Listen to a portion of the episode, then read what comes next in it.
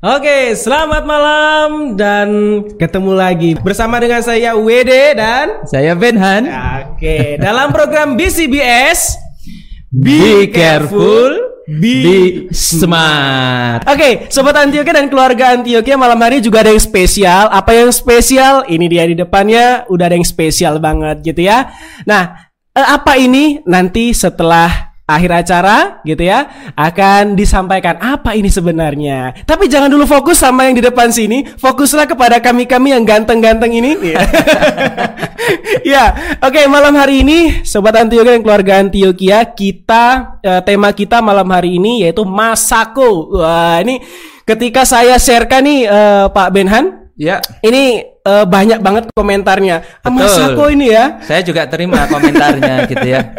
Iya, apa sih Masako gitu ya? Masa sulit tetap kokoh gitu ya. Mau nggak mau nih sobat Antio dan keluarga Antioquia kehidupan kita ini gitu ya. eh, semuanya manusia itu mengalami eh, pergumulan, tantangan dan bahkan kesulitan demi kesulitan. Tapi bagaimana nih kita tetap kokoh, tetap kuat di dalam kesulitan kehidupan kita. Dan yang paling penting kokoh dalam hal apa? Dalam iman kepada Tuhan. Dan malam hari ini kita mau eh berbincang santai, tetapi juga ada isinya, bukan hanya sekedar bincang-bincang saja. gitu ya. Betul, kali ini kita tidak hanya membahas teori, Ya. teologi, tetapi adalah kenyataan, Kenyataan hidup. dengan menghadirkan Pak Eben. gitu ya. Mm-mm. Dia dia kenyang pengalaman di antara kita. Betul.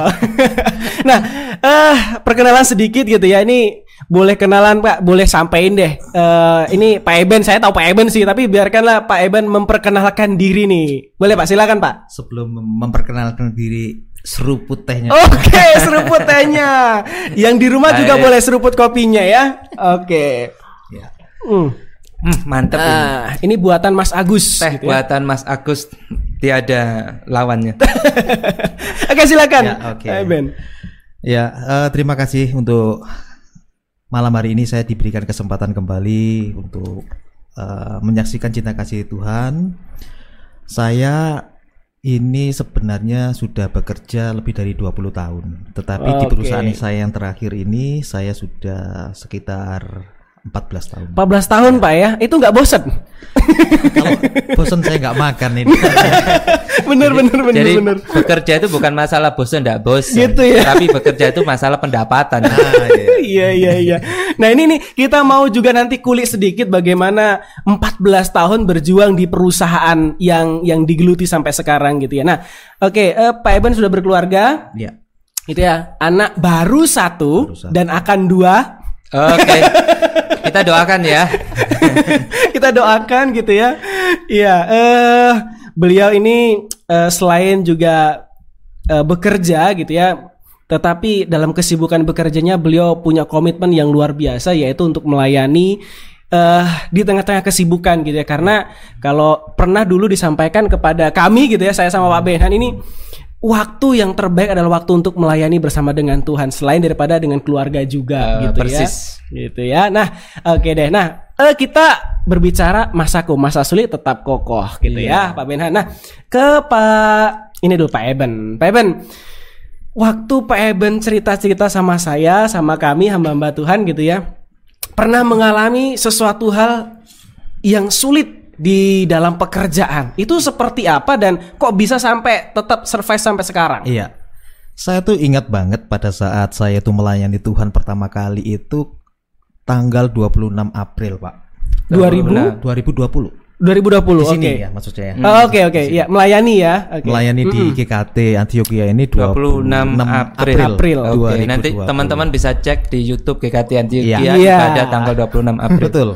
Nah, Betul. saya itu selalu curhat kepada hamba Tuhan, Pak Andoko, di sini. Betapa beratnya pada saat awal-awal pandemi yang menimpa saya, Pak. Iya. Ah, Pak Andoko memberikan suatu spirit, spirit firman Tuhan yang itu menguatkan saya. Iya. Dan anehnya juga, ketika Mhm. tadi sebelum saya eh, live ini, Mhm. saya coba buka 26 April itu saya melakukan apa gitu kan. Mhm. Saya pertama kali melayani Tuhan di tempat ini sebagai liturgos. Iya. Dan Betul. tahu tidak tema pada saat itu? Apa itu Pak? The real faith uh, works. Oh, the real faith. Eh, Ya. uh, faith ya. iman yang eh, apa rasional. Mhm. Saya yakin bahwa di dunia ini tidak pernah kebetulan, Pak. Ya. Saya membawakan pada saat itu liturgi dan penuh perjuangan. Mhm. Kok ya ternyata temanya itu tentang iman. Iya. Nanti Bapak Ibu ataupun sahabat BCBS bisa melihat pada tanggal 26 April saya menyanyikan atau membawakan lagu apa dan Pak Andoko pada saat itu eh, menyampaikan firman Tuhan apa. Dan saat itu kita sama-sama dari bawah, Pak. Ya. Saya ingat benar pada saat persiapan Pak Andoko bilang kalau seandainya tidak ada tim musik, saya sendiri yang akan menjadi tim musik. Mhm. Setelah tim musik selesai menyanyi, saya akan sekalian untuk berkhotbah. Iya. Saya ingat banget itu, Pak. Saya ingin mendampingi eh, hamba-hamba Tuhan di sini pada saat susah Iya. dan saya menyampaikan Pak saya akan coba untuk eh mencari orang yang memiliki komitmen dalam pelayanan dan di situlah kita ketemu dengan Pak Samuel. Ya, ini Iya, Pak Samuel betul. nonton kita juga. Betul. Jadi 26 itu menjadi tonggak sejarah Iya. buat buat Pak Eben, buat Pak Sam, Iya, dan betul. juga buat buat Antioquia. Buat ya. Antioquia, buat kita hamba Tuhan juga Betul. gitu ya. Tapi Betul. ada sesuatu hal Pak sebelum tanggal 26 April yang terjadi Iya. dan saya harus memilih eh, arah hidup saya pada tanggal 26 April itu. Saya ingat banget saya tanggal 19 atau nggak salah 20 April dihubungi pertama kali oleh Pak Wahyu. Iya. Pak bisa nggak membantu liturgi tanggal 26 April? Saya langsung Iya. menjawab, saya bisa. Karena kalau ditarik mundur ke belakang, saya itu sebenarnya sudah diberikan kesempatan untuk melayani sebagai liturgos di tempat ini, tetapi saya selalu berhalangan. Iya. Saya pada saat terakhir pada Natal tahun yang lalu diberikan kesempatan juga untuk melayani, tetapi saya selalu ada halangan di dalam pekerjaan, Pak. Iya. Dan saat itulah saya mengatakan saya siap. Anehnya itu hari Senin kalau nggak salah ya. Iya. Anehnya tanggal eh, hari Rabu kalau nggak Kamis saya mendapat berita buruk Pak, Mhm. di mana iblis itu tidak ingin saya itu melayani Tuhan. Iblis memakai suatu logika-logika saya untuk menghindar dari pelayanan. Ah, hari Rabu kalau nggak Kamis saya mendapatkan berita bahwa saya gagal tender. Oke. Dan tender itu begitu sangat gede menurut saya dan itu sudah saya plan satu tahun sebelumnya. Nilainya M. Ya. M. Eh, di situ iblis itu mau untuk membuat logika saya ber, eh, saya kembali berpikir. Coba kalau andai kata kamu memaksakan diri untuk pelayanan, Mhm. bukankah nanti kamu nggak bisa maksimal karena kamu akan terpikiran terus dengan apa yang menimpa kamu. Iya. Saya sempat percaya dan saya mau mengangkat handphone untuk membatalkan, Pak. Mhm. Hmm. Wah. Tetapi pada saat itu saya ingin benar-benar mau melayani Tuhan. Dan hari-hari itu saya isi dengan saya mendengarkan firman Tuhan melalui YouTube. Iya. saya mem- membaca santapan harian, renungan harian, dan saya dikuatkan. Pada saat kita lemah, kuasa Tuhan semakin sempurna. Itu yang saya pegang. Wah, luar biasa. Sampai suatu saat beberapa hari kemudian saya mendapatkan satu ayat Alkitab yang menjadi dasar kehidupan saya menjadi berubah. Oke. Nanti saya akan sampaikan. Nah, kalau ibu bapak dan saudara-saudara melihat nanti di siaran YouTube tanggal 26 Enam. April, Mhm. di situ saya menyanyikan dengan Pak Andoko lagu-lagu yang berserah penuh, berserah dan meningkatkan iman. Mhm. Itu suara hati saya yang memilih lagu-lagu itu. Saya Ya. tidak melihat bahwa lagu itu bagus. Iya. Aransemennya bagus enggak? Tapi isi itu menguatkan saya untuk bisa bangkit dari keterpurukan saya. Iya. Karena pandemi ini begitu sangat luar biasa. Dan saya punya satu keyakinan bahwa Tuhan itu tidak akan pernah mempermalukan saya. Iya. Hmm. Dan satu hal lagi, saya juga sempat tidak percaya dengan Tuhan. Tuhan, masalah itu terlalu gede. Mhm. Kalau aku berpikir bahwa aku menyelesaikan masalah saya sendiri, kayaknya nggak mungkin deh. Karena hitung-hitungan kalkulasi kekuatan saya dan opportunity-opportunity yang saya punya itu kecil sekali. Mhm. Dan bahkan saya bisa lose dalam tahun ini dan saya harus berpuasa dalam tahun ini untuk tidak mendapatkan proyek sama sekali. Saya kalau di tempat pekerjaan saya saat ini, saya itu mengurusi tender-tender, Bapak Ibu. Tender-tender. Dan tender itu kami create satu tahun sebelumnya untuk kami bisa realisasikan tahun berikutnya. Iya. Kalau tahun itu gagal, artinya saya harus berpuasa untuk saya tahun depan. Dan saya memiliki eh, penilaian yang buruk di dalam pekerjaan saya. Iya. Nah, akhirnya saya putuskan sudahlah saya masa bodoh lah. Yang penting saya melayani Tuhan, Iya. nggak tahu apa yang akan Tuhan lakukan. Iya. Begitu Pak. Wow, ini sampai saya tuh kita nggak bisa beralih dari Pak Eben ini ya. Pengalaman yang luar biasa. Memang waktu beliau juga menyampaikan gitu. ya, Memang pengalaman ini pengalaman yang tidak biasa, gitu ya. Tidak semua orang pun mengalaminya. Tetapi semua orang pernah mengalami namanya kesulitan. Tapi apa yang menjadi pengalaman Pak Eben ini pengalaman yang luar biasa. Harus memilih Betul. begitu ya harus memilih gitu karena saya harus maju dalam eh, apa bisnis saya pekerjaan saya mendahulukan itu atau mendahulukan pelayanan saya Betul Pak. Nah, gitu ya Itu yang pertama godaannya. Ternyata Pak, yang kedua iblis itu memang benar-benar nggak akan pernah melepaskan saya untuk melayani Tuhan. iya Kemudian dua minggu kemudian kalau nggak salah satu dua minggu kemudian Pak Wahyu menghubungi saya, Pak Iya. bisa nggak untuk melayani Tuhan lagi? iya Saya jawab saya bisa. Tanpa pikir panjang, saya bisa. Pokoknya saya kepingin melayani gitu Iya, ya, karena betul. semangat saya. Nah, pada saat ngomong saya melayani untuk minggu depannya, hari Kamisnya, atau hari, oh, hari Jumat, saya ingat banget.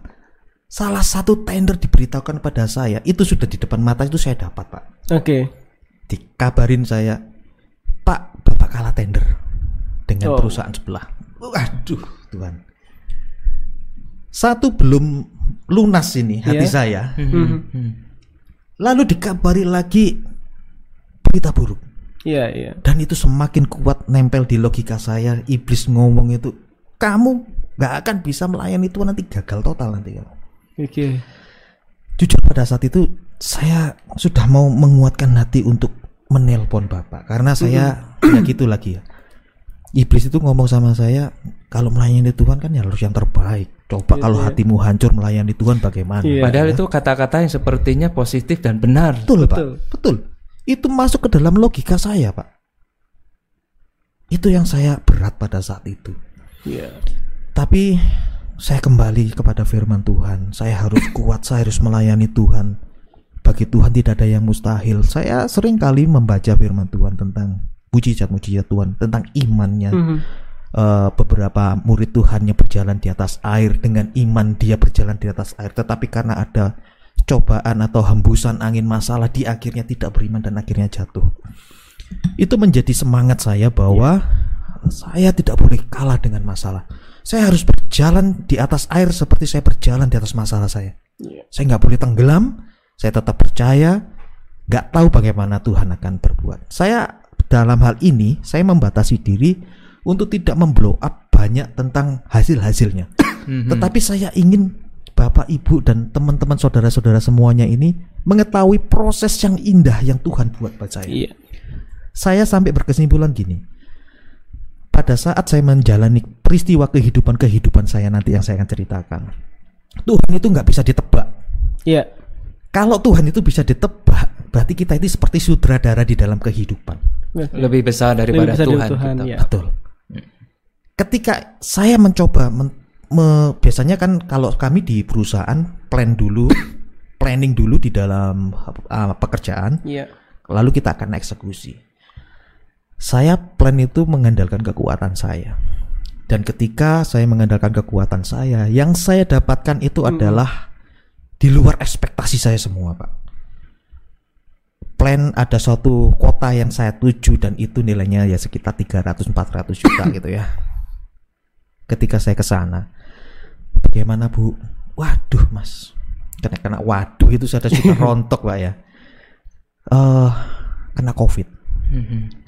biaya yang sudah dirancangkan 300-400 juta itu kena covid kalau di bahasa orang eh, apa pemerintah itu namanya recofusing iya budget yang sudah disusun karena covid dialihkan Dialihkan ya. untuk betul. untuk kesehatan Mhm. nah di situlah saya rontok hati. Tuhan, saya ini benar-benar ingin melayani Tuhan. Saya ini benar-benar kembali lagi logika-logika itu. Seperti Ayub itu. Ngapain memuji Tuhan, melayani Tuhan, tahu dapatnya seperti ini. Iya. Tapi saya merendahkan hati di depan Tuhan. Tuhan, saya wis nggak tahu lagi apa yang harus saya lakukan. Tuhan arahkan saya untuk ke satu instansi di bawahnya bupati dan saya ngikutin Tuhan. Prinsipnya pokoknya gini. Apa pun yang saya lakukan pada saat itu, saya ingin melakukan yang terbaik. Hasilnya terserah Tuhan. Iya. Saya melakukan audiensi, saya melakukan eh, apa namanya presentasi-presentasi. Singkat kata, eh, Pak Bapak pejabat ini sangat setuju dengan konsep-konsep saya. Eh, saya pulang, besoknya saya berutinitas dan macam-macamnya. Kemudian suatu saat saya telepon Pak Anoko, eh, WA. Puji Tuhan Pak, salah satu daerah di Indonesia Timur itu mau untuk membuka diri untuk saya bisa masuk. Puji Tuhan Pak, puji Tuhan. Pak Andoko balas, puji Tuhan juga gitu ya. Saya senang juga Pak. Iya. Karena Indonesia Timur itu menjadi beban Iya. yang Tuhan kasih di hati Pak Eben ini. Betul. Kecintaannya sama Indonesia Timur itu luar biasa. Ya. Betul. Nah, tetapi Pak, dua minggu kemudian saya dikabarin, Pak, ternyata speknya tidak masuk ke dalam program kami, terlalu mahal punya Bapak. Coba kalau seandainya ada suatu angin surga, wah jawaban Tuhan, doa saya ini dikabulin. Sukacitanya bukan main Pak. Iya. Seperti hati yang kering, ada sedikit aja Tetesan air, tetesan gitu air. ya. Sukacitanya sangat luar biasa. Nah ternyata air itu nggak sampai netes ke tanah diambil lagi. Sa- seka- Seakan-akan Tuhan itu kasih PHP sama saya. Iya, oke. Seakan-akan Tuhan kasih PHP. Tuhan mau kasih kok ditarik lagi gitu. Iya, iya. Nah pelajaran yang saya terima, Bapak Ibu dan saudara-saudara sekalian, konsep berpikir saya ketika melayani Tuhan itu supaya Tuhan melakukan apa yang saya minta. Bukan sebagai motivasi saya bersyukur kepada Tuhan. Oke. Jadi Tuhan aku melayani Tuhan supaya Tuhan itu berbelas kasihan sama saya. Supaya Iya. Tuhan mengabulkan semua doa dan ekspektasi saya. Iya. Dan Tuhan tidak ingin itu terjadi. Betul.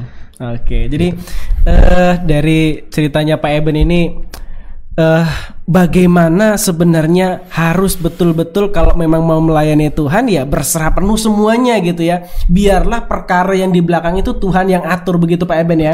Ini dari dari kesimpulan saya. Nah, dari Musa Andako nih, Ya. ketika ngelihat eh mendengar kisah dari Pak Eben gini ini luar biasa ya. Dan bahkan mungkin baru satu gitu ya. Mungkin ada sobat Antioquia keluarga Antioquia juga punya eh, pengalaman-pengalaman yang spektakuler juga bersama dengan Tuhan. Saya yakin itu gitu ya. Karena semuanya pasti juga mengalami. Musandoko juga saya yakin pernah mengalami itu begitu ya. Ya, banyak. banyak gitu. Gitu saya juga pernah mengalami hal yang demikian. Tapi kira-kira ya Pak Andoko inti dari dari eh, untuk apa pembelajaran malam hari ini gitu ya apa sebenarnya yang harusnya kita orang percaya di tengah-tengah kesulitan kita dan dengan logika kita kalau Pak Eben tadi ya yang terus bertentangan dan bahkan intimidasi dari si iblis untuk kita makin dekat makin bisa melayani full bersama eh, dengan Tuhan itu apa yang harus kita lakukan? Jadi begini kalau lihat kesaksiannya Pak Eben ya, karena saya terus dapat update dari kondisi Pak Eben dari Iya, Pak iya. Eben sendiri.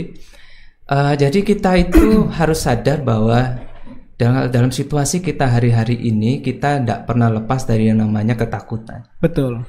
Ketakutan tuh ada dua Pak Wahyu sama Pak Pak Eben ya. Oke. Pertama ketakutan menghadapi sesuatu yang buruk.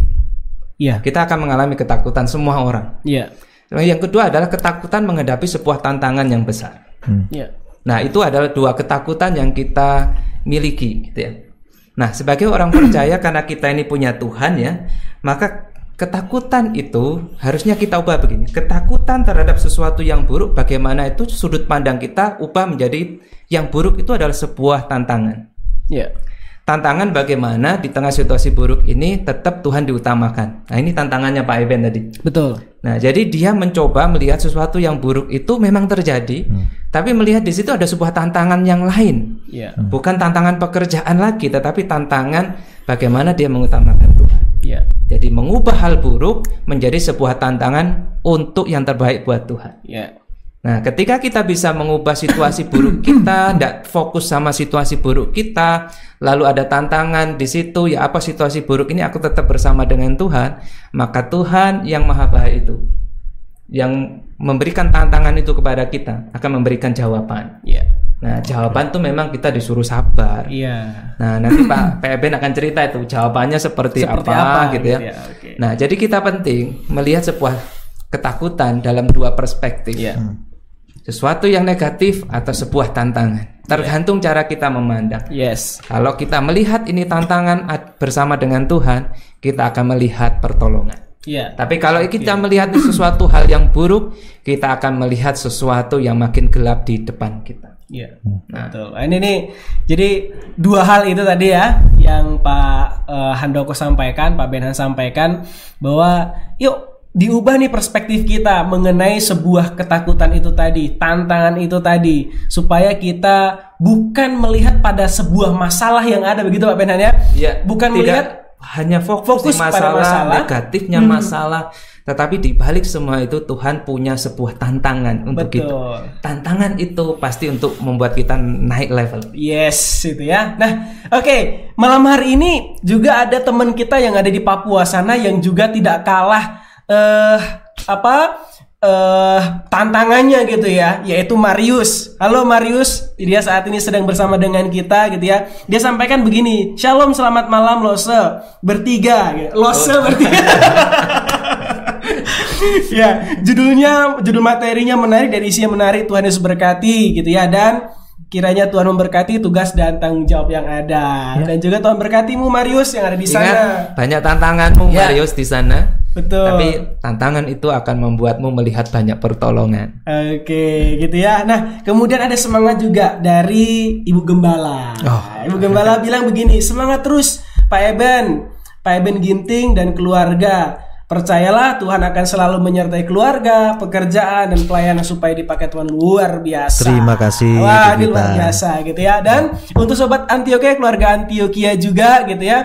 Eh malam hari ini adalah malam yang di mana eh, kita mau apa namanya ngobrol-ngobrol ini bukannya sekedar kita ngobrol eh, ngalor ngidul gitu ya, tetapi kesaksian dari Pak Eben luar biasa dan jawabannya seperti apa nanti kita akan dengerin. Tapi sebelumnya saya mau tanya dulu nih gitu ya, Pak Eben dari berbagai eh, apa namanya kesibukan yang ada di pekerjaan. Saya, saya tahu nih Pak Eben ini sibuk banget betul ya Mas ya. Sangat sibuk karena beliau tidak kasih tahu ya jabatan beliau, tetapi saya mau kasih tahu beliau di salah satu perusahaan internasional dan titik-titik-titik. Dan Pokoknya. dan beliau dipercaya oleh Ya. perusahaan itu untuk eh, mengelola sesuatu area yang cukup besar, Cukup bukan cukup besar, sangat besar Ya. di Indonesia ini gitu ya. Betul. Nah, jadi silahkan nanti tanya dan titik-titik apa silahkan tanya sama beliaunya gitu ya. Yang mau tanya silakan tulis di kolom komentar, kolom chat ya. Oke, nah bagaimana dengan keluarga? Saya Nah, dengar- betul ini. Ya, karena saya dengar nih Pak Eben nih jarang pulang. Dulu ya. Ya, Kalau ya, sekarang betul. kayaknya udah sering pulang. Terus jarang pulang. Nah, ini gimana nih balancingnya? Saya itu dipercaya perusahaan untuk mengelola lima provinsi, Pak. Wow, lima provinsi. Jawa Timur, Bali, Nusa Tenggara Timur, Sulawesi Ba- Tengah, dan Sulawesi Tenggara. Oke, baik. Nah, eh sebelum pandemi, saya itu di rumah praktis Jumat malam, Sabtu, Minggu. Kalau nggak keluar pulau, minggunya harus berangkat juga. Oke. Ya. Jadi Bapak bisa bayangin betapa saya eh, waktunya sangat singkat untuk keluarga. Oke.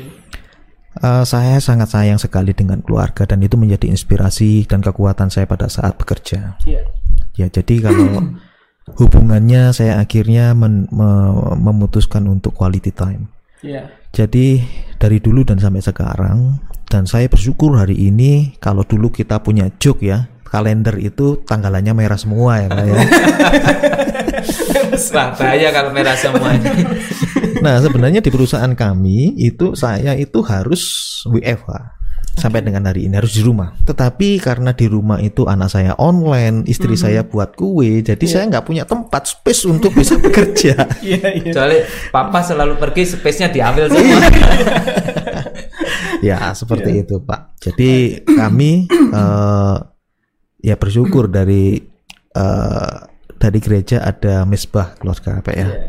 Tetapi setiap malam saya bertiga, saya istri dan anak itu selalu berdoa sebelum tidur. Itu saya ingin sekali kebiasaan itu sampai anak saya sudah gede, sudah Iya. Ada regenerasi bahwa doa itu penting. Iya, Persis. Betul, betul. Nah, tapi Nah, tadi kalau Pak Marius itu, kok saudara Marius ya bilang tiga lose itu betul. betul ya. Karena Pak Eben ini adalah guru sekolah minggunya anaknya sendiri. Betul. betul. Betul, betul, Jadi betul. ini sesuatu luar biasa bahwa eh, salah satu orang tua yang mencintai dan mengajar cinta itu kepada anak melalui firman Tuhan itu Pak Eben dan beberapa orang tua yang lain. Betul. Ini kebanggaan buat kita. Iya. Gitu ya. Di tengah kesibukannya Pak Eben tetap mengajarkan iman gitu di hati anak-anaknya, hati anaknya. Betul. Dan anaknya itu kita ambil. dan ini lose betul. Betul. Buat buat ego lose. Betul, betul. Saya itu punya satu pengalaman, Pak, tentang eh, pelayanan di rumah. Oke. itu dari dulu kepingin punya gitar. Oke.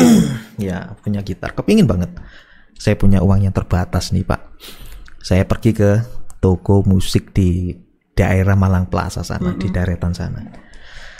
Eh, saya milih-milih, tapi motivasi saya kalau saya punya gitar, saya ingin bernyanyi-nyanyi bersama anak saya, memuji-muji pada saat malam, hari Iya, dan iya. macam-macam. Nah, saya tanya, Pak itu harganya berapa, Pak? 850 ribu. Waduh, 850 ribu ya cukup mahal menurut saya ya. Eh, saya tawaran biasa. Kata biasa kata kunci ya.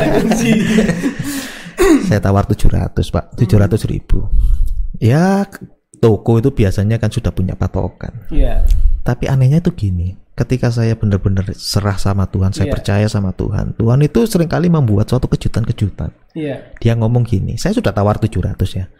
Sudah Pak, Oke. Gini aja. Saya kasih harga capi jangan ditawar lagi ya, Pak ya. Berapa? 635. Loh. Iya iya. Itulah, Pak. Jadi ketika keinginan saya untuk memuji Tuhan dengan uang yang sangat terbatas, tapi Tuhan kasih sesuatu hal yang di luar ekspektasi. Saya tuh saya bingung sama penjualnya itu ya. Iya, itu- Jangan ditawar lagi ya. Ternyata 635. Nah, It- itu sadar dia ya. saya nggak tahu sadar atau tidak. itu yang terjadi, Pak. Oke. Dan saya akhirnya Tuhan, Tuhan itu baik sama saya. Tuhan tahu keuangan saya. Iya, iya. Nah, Oke, ini ini ini pengalaman yang nggak biasa gitu ya. nah, Pak Eben ada pertanyaan dari sobat Antioquia di di rumah gitu ya. Mau tanya kerja Pak Eben dalam bidang apa? Ya. Oke, biar Pak Eben yang jawab iya ya. Dong, jawab dulu Pak. Saya itu di salah satu perusahaan eh, pemegang PMA ya. Saya bergerak di bidang nutrisi untuk anak. Saya ditugaskan atau memiliki visi untuk eh, bekerja sama dengan pemerintah mencegah stunting, Oke, gizi buruk. gizi buruk ya. Jadi stunting itu kalau kita biarkan anak di usia 2 tahun itu bisa dipastikan secara medis itu memiliki IQ di bawah anak-anak standar. Ya, karena masa apa golden age-nya sudah lewat ya. Golden periodnya itu anak seribu hari pertama kehidupan. Iya, iya. Jadi kalau seribu hari anak eh, seribu hari pertama kehidupan atau golden periodnya itu terlewati, Hmm. Maka bisa dipastikan kemampuan otaknya nggak bisa seperti anak normal. Dan itu menjadi sesuatu hal yang bencana di masa depan. Iya. Karena tidak hanya di otaknya saja, Pak. Stunting identik dengan tinggi badan. Tapi, Sisi kita harus ukur tinggi badan. ya, Jangan saya nih. tapi pendek belum tentu stunting. Oh, ini nih kabar baik. ya seperti Pak Habibie tingginya tidak seperti eh, apa namanya yang generasi-generasi yang tinggi tetapi beliau memiliki IQ, luar IQ yang luar biasa. biasa Mm-mm. Itu ada kita juga parameternya. begitu. Salah satunya ya. nah itu ada parameternya untuk dikatakan stunting seperti itu nah kalau tugas saya bersama dengan pemerintah kami swasta beriringan bersama itu tadi menyediakan nutrisi untuk menyelamatkan anak-anak stunting. Oke, ini luar biasa dan bahkan kalau beliau sampaikan dalam diskusi bersama kami itu punya beban yang luar biasa untuk Indonesia Timur dan kalau tidak salah nanti boleh diceritain nih ya gimana goalnya tadi ya nanti Oke. nanti kita akan dengerin. Nah, saya tadi masih belum selesai nih gitu ya. Eh di tengah-tengah kesulitan ini tentang keluarga tadi. Pak Eben kan juga banyak eh, pasti mengalami banyak kesulitan, banyak permasalahan baik di perusahaan gitu ya. Nah, gimana respon dari istri anak ketika Pak Eben atau eh, posisi Pak Eben ketika ada masalah di kantor atau pergumulan itu ya apa di rumah? Apakah pulang langsung bah ini nih, ini penting nih, ini gimana Iya. nih? Eh, saya pernah membawa masalah pulang dan saya tidak nyaman sama sekali. Saya sangat tidak nyaman. Dan sampai dengan eh, mungkin hari ini adalah hari kedua istri saya tahu bahwa saya punya banyak masalah. Oh gitu. Jadi saya ketika punya masalah, saya pikir sendiri, saya diam sendiri dan saya akhirnya ya saya nggak akan cerita dengan siapa-siapa. Saya tidak mau suasana rumah itu menjadi berantakan gara-gara apa yang saya alami. Oke gitu ya. Tapi istri bagaimana? Ketika Pak Eben nih pulang, waduh kok diem ya? Kenapa nih gitu? Iya. Jadi akhirnya saya belajar untuk bisa mengontrol emosi, Pak. Nah, oke. Jadi seakan-akan saya pulang tanpa ada suatu permasalahan padahal di otak saya ini gede banget. Iya, iya, pikirannya. iya. Wah ini berarti eh apa namanya ini? Nahan nahan beban, nahan pergumulan, nahan emosi seolah nggak ada masalah gitu ya. Pulang dengan dengan muka yang biasa-biasa saja gitu. Ini nih nggak gampang dan bahkan Tapi setidaknya katanya Pak Ebet ini kali kedua istri Istri tahu tahu Pak Ebet banyak punya masalah. Karena yang pertama itu kami ada suatu persekutuan Pak di rumah dengan ibu saya. Oh, Oke. Dan di situ kami saling berbagi pengalaman, berbagi sharing tentang ya macam-macam. Dan di situ saya men-sharingkan baru istri saya tahu oh ternyata suami saya punya masalah gitu loh. Nah, Oke. nah ini adalah pengalaman kedua saya men-sharingkan tentang hal yang saya alami. Oke, ini dan saya percaya doa istri itu selalu Nah, dipanjatkan. ini Pak yang saya tanyakan kepada istri saya. oke. Kamu itu mendoakan saya nggak sih? Mm-mm. Dia bilang gini, saya bangun tidur, saya selalu mendoakan suami saya dan anak-anak saya setiap bangun tidur. Dan setiap mau tidur, anak saya mendoakan papa dan mamanya. Setiap mau tidur. Nah, saya, saya- ini nih biar biar agak agak ini ya agak cair dikit. Kalau ibu waktu nyeritainnya tadi kan nggak mungkin setiap kali saya mendoakan suami saya kan nggak mungkin. Itu Eh, bahasa ke eh, kita. bahasa ke kita. Kalau bahasa istri ke bapak kayak gimana pak? Sambil leye-leye gitu. Pak Wahyu kayaknya pengen tahu panggilan sayangnya ini. Panggilan Itu maksudnya, sayangnya. gitu loh. Kalau Pak Wahyu kan yang ya apa gitu Ya, kan. ya. Kalau saya gini, saya tuh ngomong "Eh, sekali-sekali kamu panggil aku Mas Dopo. Oh iya. Gak cocok. gitu. Akhirnya saya dipanggil ya Mas sama apa gitu, Pak. Ya. Jadi Jadi panggilnya papa. ya papa sama mama gitu. Oke, ini nih sudah menikah pantas papa Ah. Pantas, mama. pantas. Banyak anak SMP hari ini papa mahan belum nikah. Mimi pipi malah. Oke, buat buat mama di sana gitu ya. Terima kasih sudah mendoakan maksudnya papa ini ya. Papa ini. Nah, nah itu dia nih. Ini yang saya mau eh, tanyakan nih. Kan pastinya dukungan keluarga itu luar biasa lah untuk Pak Eben, apalagi istri gitu ya. Harus menjaga anak dengan ditinggal. Apa yang mau disampaikan buat istri, buat anak? Ini mungkin lagi nonton kan? Iya. Nah, ini apa yang mau disampaikan? Sebenarnya kalau istri saya itu kan dari seberang Pak ya. Ketika dia mengenal Tuhan, pengalaman hidup dengan Tuhan itu melebihi saya. Iya. Pengalaman hidupnya dan saya akhirnya merasa istri saya lebih rohani daripada saya. Pada saat itu ya Pak ya. Jadi saya sangat mempercayai istri saya di dalam eh, mendidik anak saya karena Iya. waktu dengan anak lebih banyak istri daripada saya. Iya. Dan hasilnya sangat kelihatan banget bahwa Igu itu disiplin. Mm-mm. Habis main, mainannya ditata. Habis itu dia harus ngapain, harus ngapain sampai tidur itu dia punya schedule yang sudah teratur. Itu didikan dari Betul. pendampingan dari Iya. mama gitu ya. Kalau saya itu wis pokok anak seneng gitu kan. Mm-mm. Iya, karena waktu sama anak tidak banyak ya, Pak. Iya. Betul. Pokoknya. Nah, Oke, ini tadi pertanyaan saya belum dijawab ini tadi. Ya, ini kan istri lagi nonton kan ini Pak ya? Iya sambil buat kue ini. Oh sambil buat kue. Nah, apa yang mau disampaikan buat istri yang yang istilahnya kalau bagi bapak ini berjasa banget untuk didik anak, didik ego gitu ya.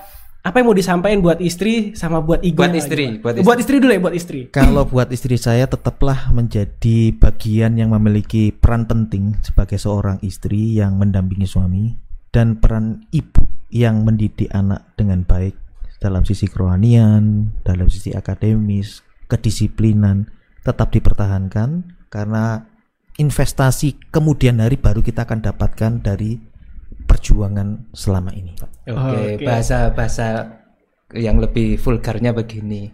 Kalau aku berhasil tuh karenamu. Wah, Kalau anak kita sukses karenamu. ini romantisnya ya, tadi Ya, romantisnya ya, ya. Gitu ya, Pak. Betul, Pak. Nah, betul, betul. kalau gitu tak tak bertanya lagi nih. Saya kayaknya translator.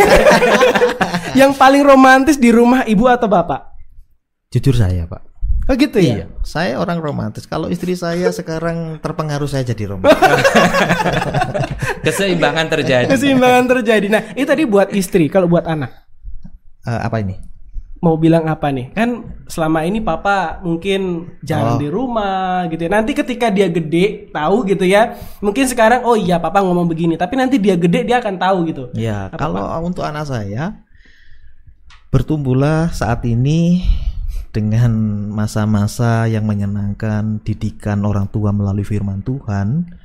Karena apa yang kamu saat ini dapatkan dari orang tuamu akan menjadi bekal keselamatan nanti di pada saat kamu sudah dewasa. Wah, ini nih pesan buat ego ya, buat ego ketika kelak nanti dia dewasa dia akan Jadi penting bagi kita bahwa kesuksesan pasangan itu berkat pasangannya. Yes, support jadi, ya. Jadi di balik suksesnya laki-laki itu ada istri yang luar biasa. Ini perkataan klasik tetapi kebenarannya sepanjang masa. Panjang masa. Itu. Di balik anak yang terdidik baik itu bukan karena peran papanya menurut saya. Ya. Itu mamanya. Ini harus saya akui Iya. gitu ya. Karena papanya cari uang, anaknya selalu membutuhkan keberadaan orang tua, mamanya yang selalu hadir. Yes. Nah, ini penting gitu ya. Dan betul, warisan terbaik di dalam keluarga adalah iman. Ya. Itu yang Pak Eben juga sampaikan tadi ke anaknya.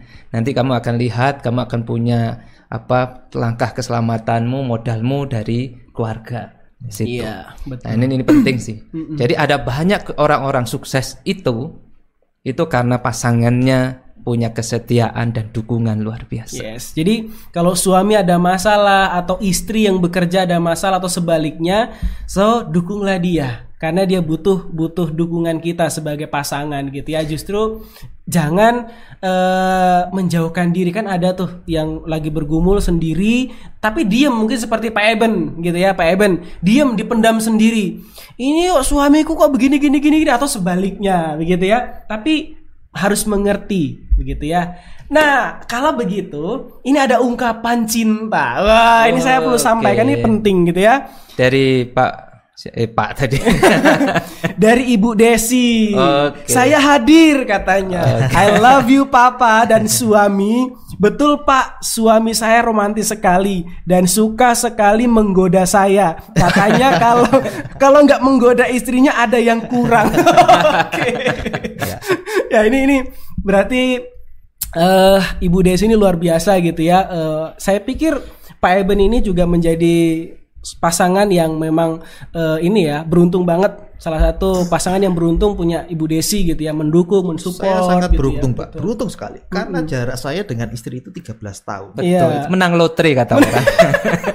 Mumpung dia belum sadar.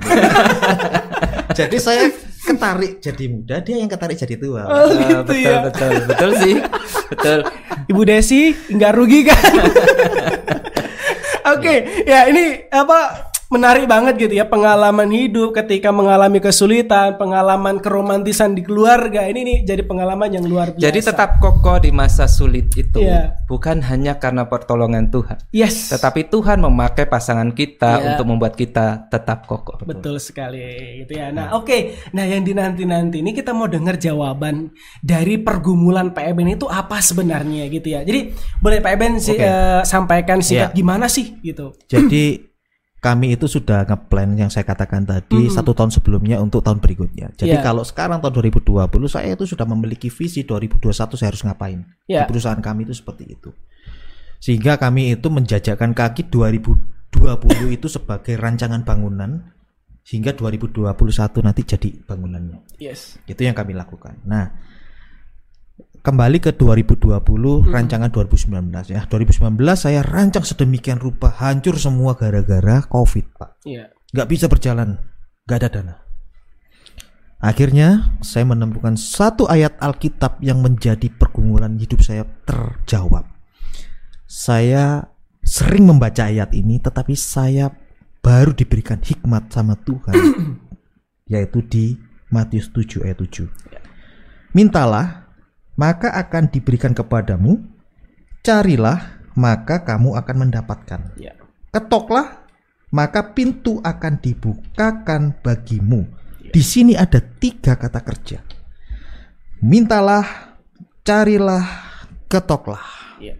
Mintalah itu menunjukkan bahwa saya butuh, Pak.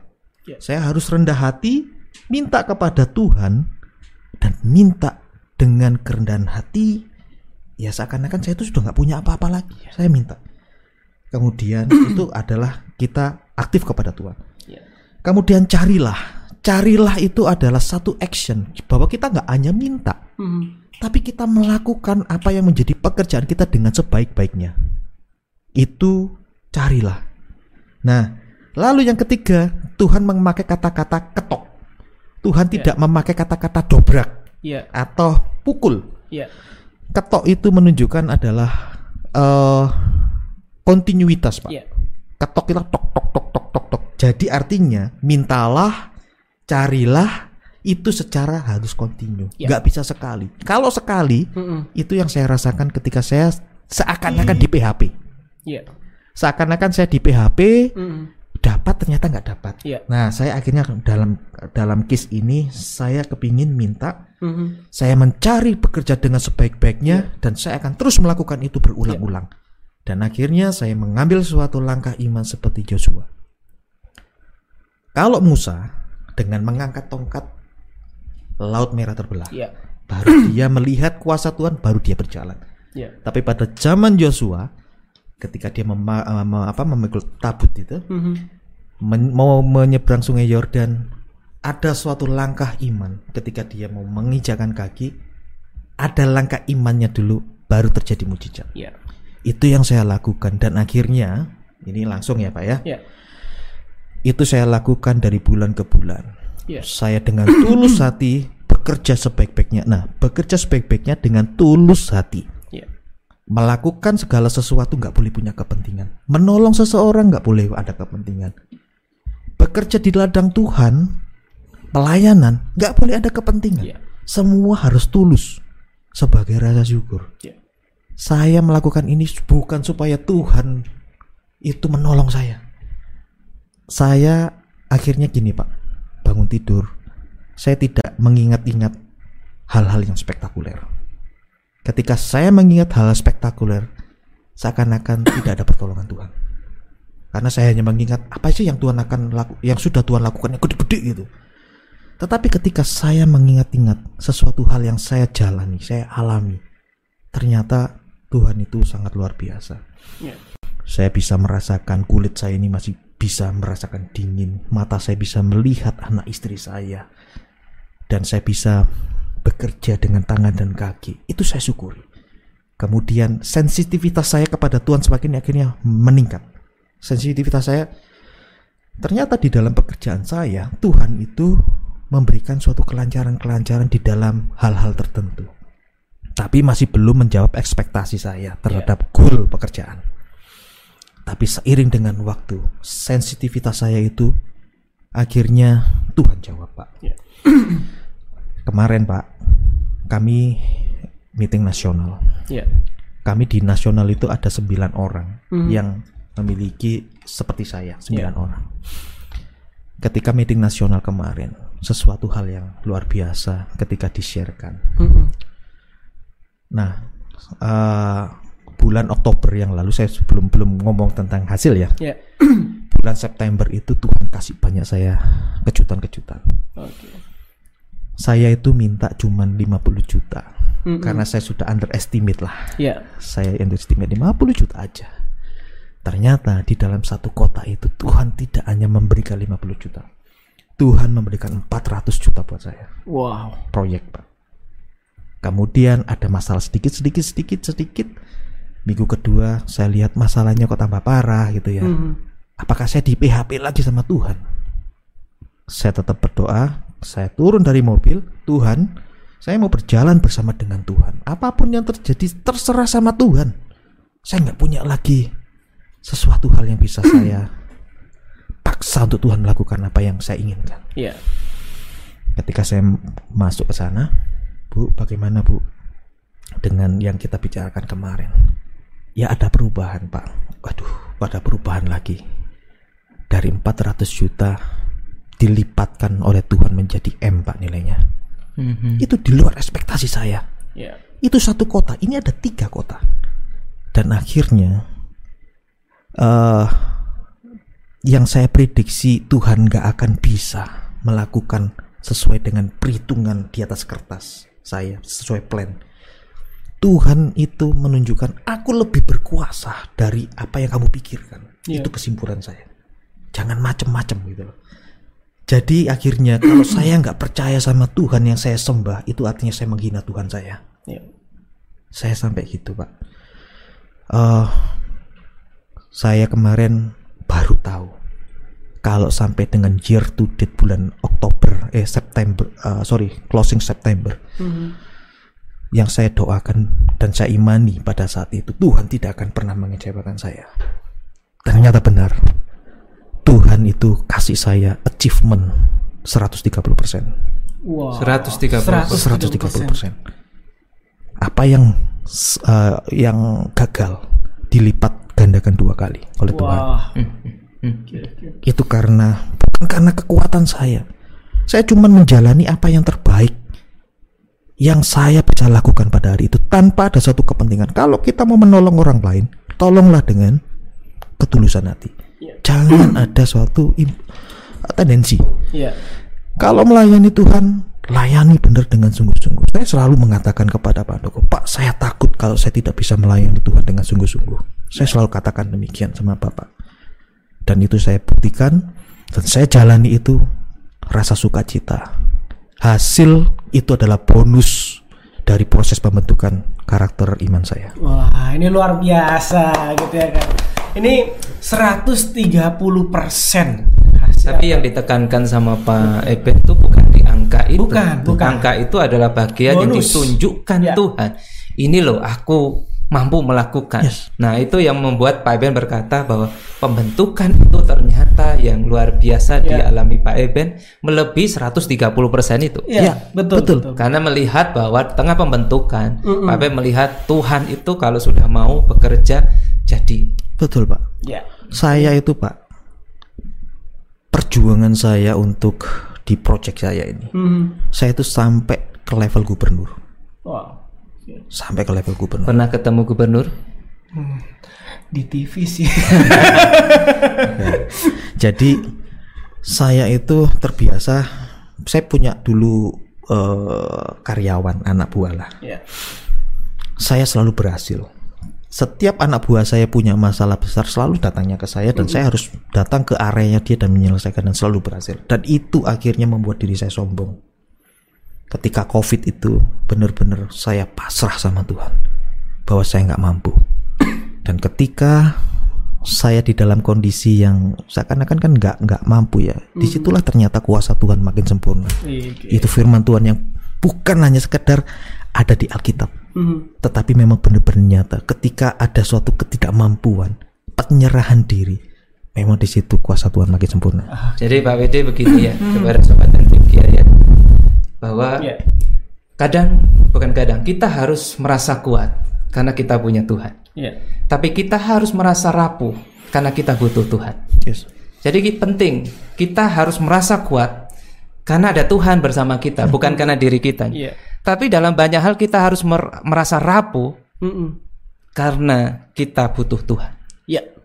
Nah, ini penting. Dua hal ini harus kita miliki supaya kita dijauhkan dari kesombongan, Ya. supaya kita dijauhkan dari pesimisme yang berlebihan. Ya. Nah, di dalam Tuhan kita kuat, di dalam Tuhan kita tahu kita rapuh dan butuh Dia. Ya. Dan itulah yang menjadi eh apa penekanan di masa sulit tetap kokoh gitu ya. Itu yang membuat kita bisa terus berjuang bahwa harus kita tahu bahwa kita nggak mampu, hanya Tuhanlah yang memampukan kita. Artinya berarti kita harus berserah penuh kepadanya. Berserah penuh. Artinya kalau kita merasa kuat bukan karena diri kita, karena Tuhan. Karena Tuhan gitu ya. Oke, ini ini kesaksian yang luar biasa dan juga firman Tuhan yang terus menguatkan dan eh, ada rekan pelayanan kita juga gitu ya. Eh Koabet ya dia sampaikan top luar biasa kesaksiannya gitu Ini ya. Pak Ini- Abed juga lagi merintis karir. Betul. Jadi pengalaman jatuh bangun Pak Eben Iya. itu eh, akan memberkati Pak Abed tuh bersemangat di Iya. dalam merintis karirnya. gitu ya. Betul. Bukan masalah jabatannya dan apa yang dipegang, tetapi cara merintisnya dengan siapa. Betul, Iya, betul, betul, Nah ini luar biasa gitu ya. Ini juga menjadi sebuah penguatan buat eh, sobat Antioquia, keluarga Antioquia. Terutama anak-anak muda Antioquia. Yes. Sobat muda Antioquia itu penting bahwa kita hanya bisa melihat orang tuh sukses. Ya, tapi, Tapi kita tidak pernah prosesnya ya. Kali ini Pak Eben hadir untuk menceritakan sebuah proses Ya. yang ternyata liku-liku juga. betul, betul, betul gitu ya. Jadi ketika kita mengalami sebuah kesulitan, tantangan, jangan menyerah di situ, tapi teruslah berjuang bersama dengan Tuhan. Yes. Ya, seperti yang ada di depan Betul. kita, ini adalah proses perjuangan. Ya, betul. Nah, seperti yang saya bilang tadi di awal gitu ya, apa sih yang spesial? Nah, hari ini spesial banget kita ada eh, satu keluarga gitu ya yang sedang merintis sebuah usaha yang ada dan eh ini apa namanya sih? Wow, saus. Ya, produknya itu adalah saus gitu ya. Saus ini orang Jawa ngomong saus. Terus apa dong? Tapi ini bukan saus saus biasa gitu ya. Ada banyak varian rasanya. Ada apa ini? Barbecue. Nah. Barbecue ada. Ya, ini yang paling fresh nih. Ya, Lemon. Lemon. Gitu ya. Nah, ini nih ini yang Unik enak. ya, saus ada lemon, rasa Ini, lemon. ini kayaknya belum pernah saya temuin sebelumnya gitu ya. Saus keju. Keju. Saus keju. Oke. Oke, kemudian ada saus black Black pepper. Oh, black pepper. Itu apa ya black pepper ya? Lada, lada itu. Lada hitam. Oke, jala jala peno. Jala Nah, peno. ini yang namanya eh, apa itu cabe dari Meksiko. Meksiko. Oh, cabai gitu dari ya. Meksiko. Jauh banget ambilnya ya. Iya. Oke. Kemudian ada balado ijo. Nah, ini ini produk Indonesia. produk Balado. Indonesia dan sobat Antioquia keluarga Antioquia yang pengen gitu ya mencobain banyak varian saus ini ini enak banget untuk makan ini dia ini dampingannya nih dan kita udah ada nih Pak Benhan Pak ini boleh Oke. dong yuk yuk Tapi berapa sih harganya ini? nah iya nih ini berapa nih harganya harganya ini berapa nih satu ini berapa nih kira-kira saya eh Di Bukalapak sudah ada ini. sudah ada kah Dua puluh ribu. Dua puluh ribu. dua puluh ribu ya dua puluh ribu gitu Dua ya. puluh ribu, saudara bisa pergi ke Meksiko. oke Dua puluh ribu, saudara bisa kenyang ini balado. balado Ya. Dua puluh ribu, saus lemon Saus lemon, ya. gitu ya a- asik. Jadi ada yang suka segar, suka kecut, suka pedas, suka yang apa berbau bakaran itu bisa. semua ada di sini Ini handmade semua, homemade semua. Homemade semua. Ya, jadi ada kerjasama baik dari Ibu Arman dengan Ya. Pak Tommy ya. Betul. Nah. Kerjasama baik dan ini adalah rintisan usaha. yes Dan rintisan usaha ini kita support Mhm. karena bersama Tuhan pasti ada jalan dan keberhasilan. Betul. Nah, bagi sobat Antioquia, keluarga Antioquia di mana pun gitu ya, di- jangan di luar negeri juga sih, yang di luar negeri. Soalnya ada yang nonton di luar negeri nih.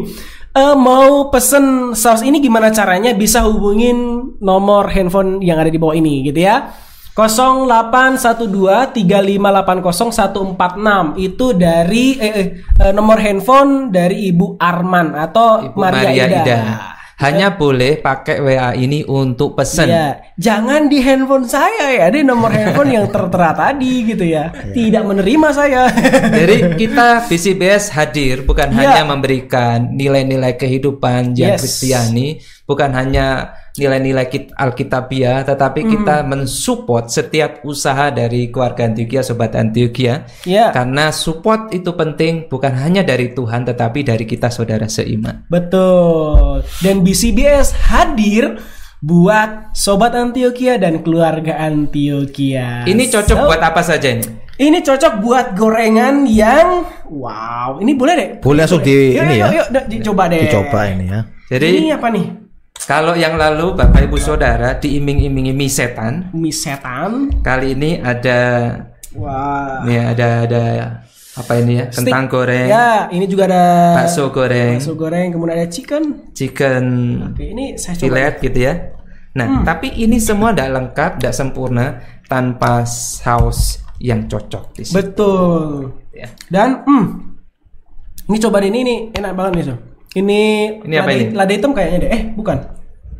Apa nih? Oh, barbecue, Barbecue. barbecue. Barbecue ya. Ini Saya sengaja membuat sobat Antioquia ngiler. enak loh, beneran. Yang mau segera pesen deh.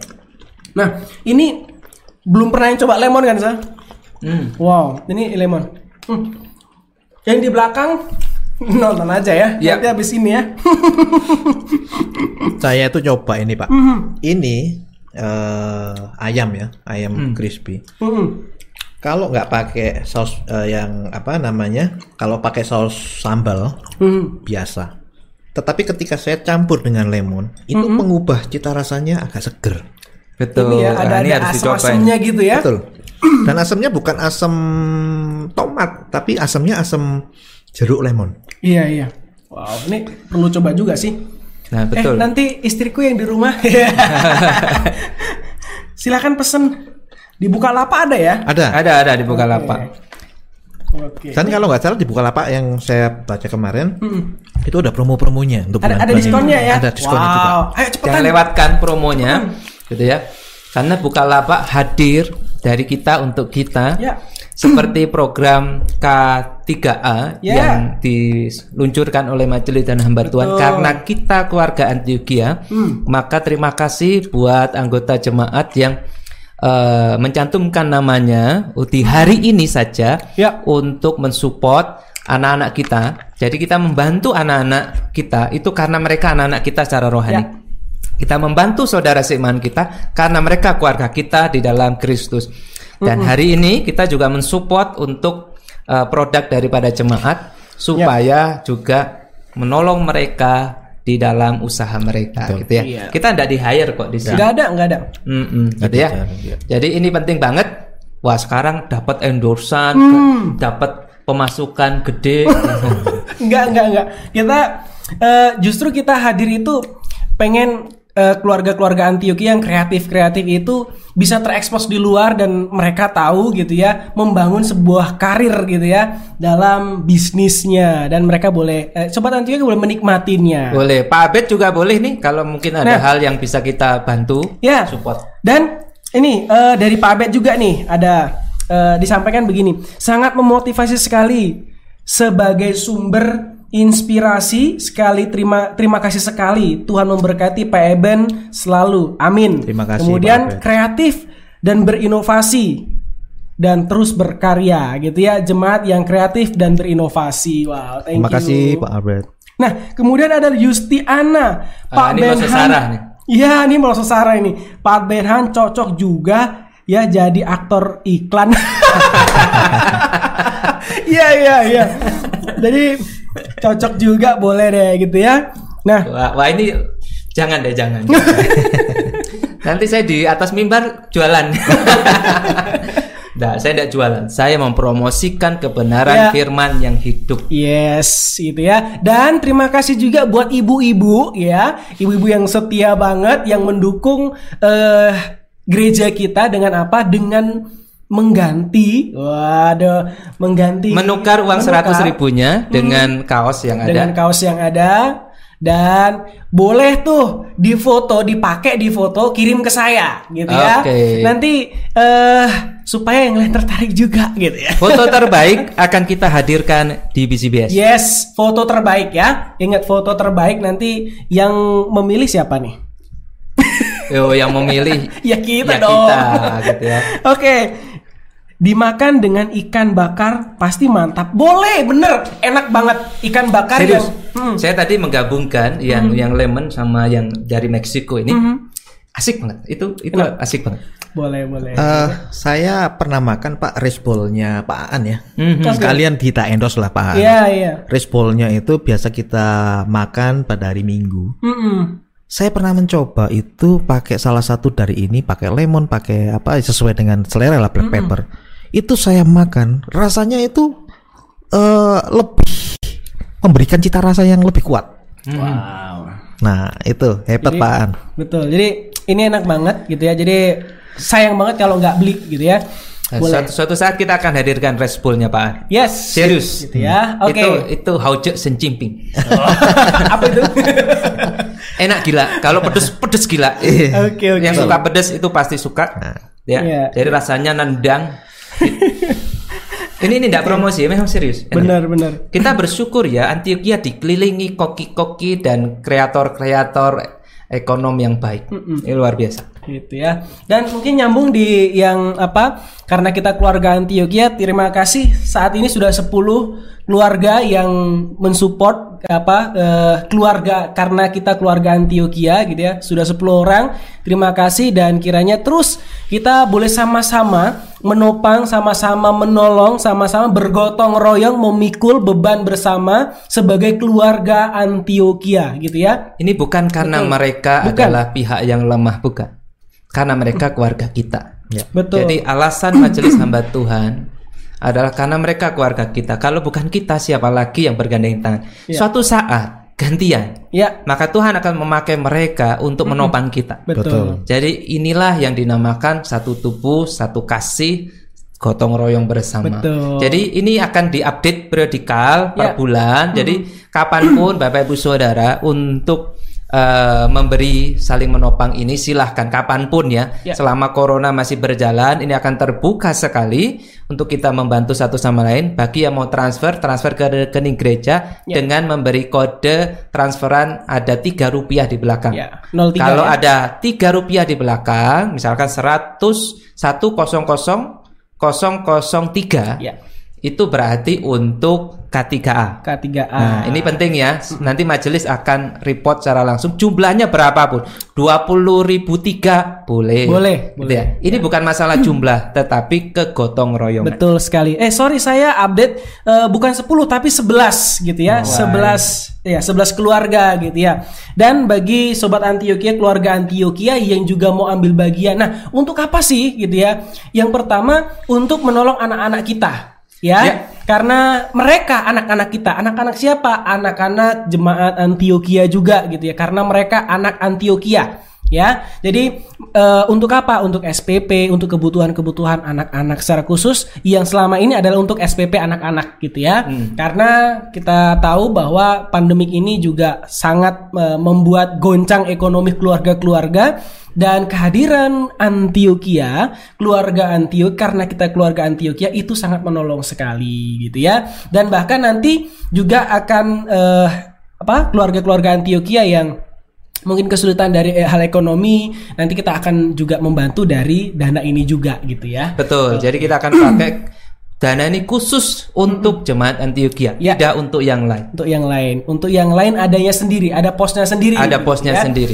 Oke, jadi thank you banget untuk keluarga-keluarga yang lain dan bagi yang mau transfer silahkan transfer di 06222 505 33 atas nama Ivan Kristi gitu ya. Dan Ibu ini, Yuli dan Ibu. Yuli ini eh, bendahara gereja gitu ya. Boleh silahkan di situ. Nanti mungkin bisa dituliskan di deskripsi ya, Ami. Deskripsi di ini ya. Ini tolong dituliskan di deskripsi supaya nanti jemaat nanti tahu di situ ya. Oke, baik. Malam hari ini, nah ini yang terakhir ya, ini spesial banget. Apa tuh spesialnya? Nah, malam hari ini Pak Eben eh, kita kita lah ya. Kita mau eh, menyanyikan satu pujian yang di mana pujian ini juga sangat memberi kekuatan eh, penguatan buat Pak Eben. Eh yaitu jangan pernah menyerah. Iya. Ini kayak lagunya The Massive ya. Mungkin kalau bisa ditampilin Hmm. jemaat atau sahabat BCBS bisa nyanyi di rumah. Bisa nggak kira-kira? Oh, kita buka belum buka ruang Zoom sih Oh, nanti. buka, Nanti oke. suatu saat kita akan buka ruang Zoom gitu ya, bisa kita berdialog bersama dan Oke. kita menikmati karya Tuhan yang luar Ya. biasa melalui kehidupan sahabat Oke, kita. kami boleh di ini? Ya. Ya. Jadi kalau suara saya dan Pak WD itu biasa-biasa, dengarkan suara Pak Eben yang luar biasa. Ayo gedein dikit, Oke. gedein dikit.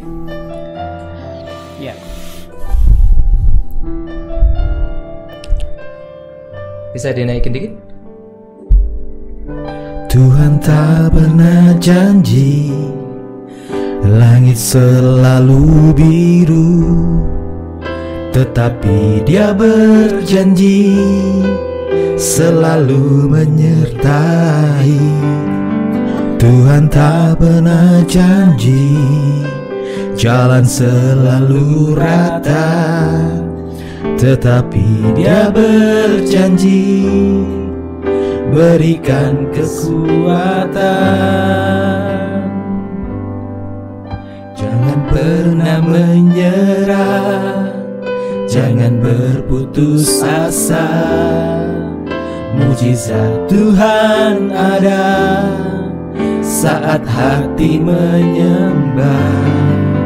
Jangan pernah menyerah Jangan berputus asa Mujizat Tuhan ada Bagi yang setia dan percaya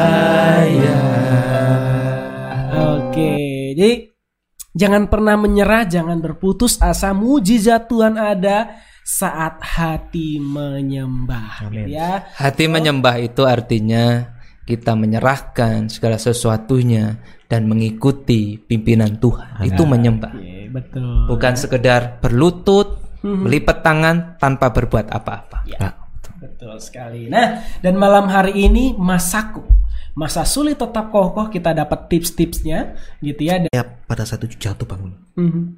Supaya kita tetap berdoa untuk mereka Iya, kita doakan itu. Juga kita doakan eh untuk sobat Antioquia, eh, secara khusus keluarga Antioquia juga gitu ya, yang berbagi dengan keluarga Antioquia juga kiranya Tuhan memberkati apa yang menjadi eh, kerinduannya bahwa bisa menjadi berkat buat keluarga Antioquia. Oke, kita doakan juga buat pemerintah kita. Kita tidak lupa, kita akan terus doakan kiranya Tuhan menolong kondisi eh, pemerintahan saat ini. Memang banyak hal yang sedang terjadi bila kiranya Tuhan yang menolong. Pak Benhan, boleh berdoa buat kita. Oke, kita berdoa ya. Tuhan terima kasih karena firman-Mu hidup Yes. melalui kehidupan kami dan pengalaman iman Pak Eben menjadi eh, pelajaran berharga buat kami melihat cara Tuhan menolong beliau melewati masa-masa sulit dan tetap kokoh sampai saat ini. Ya.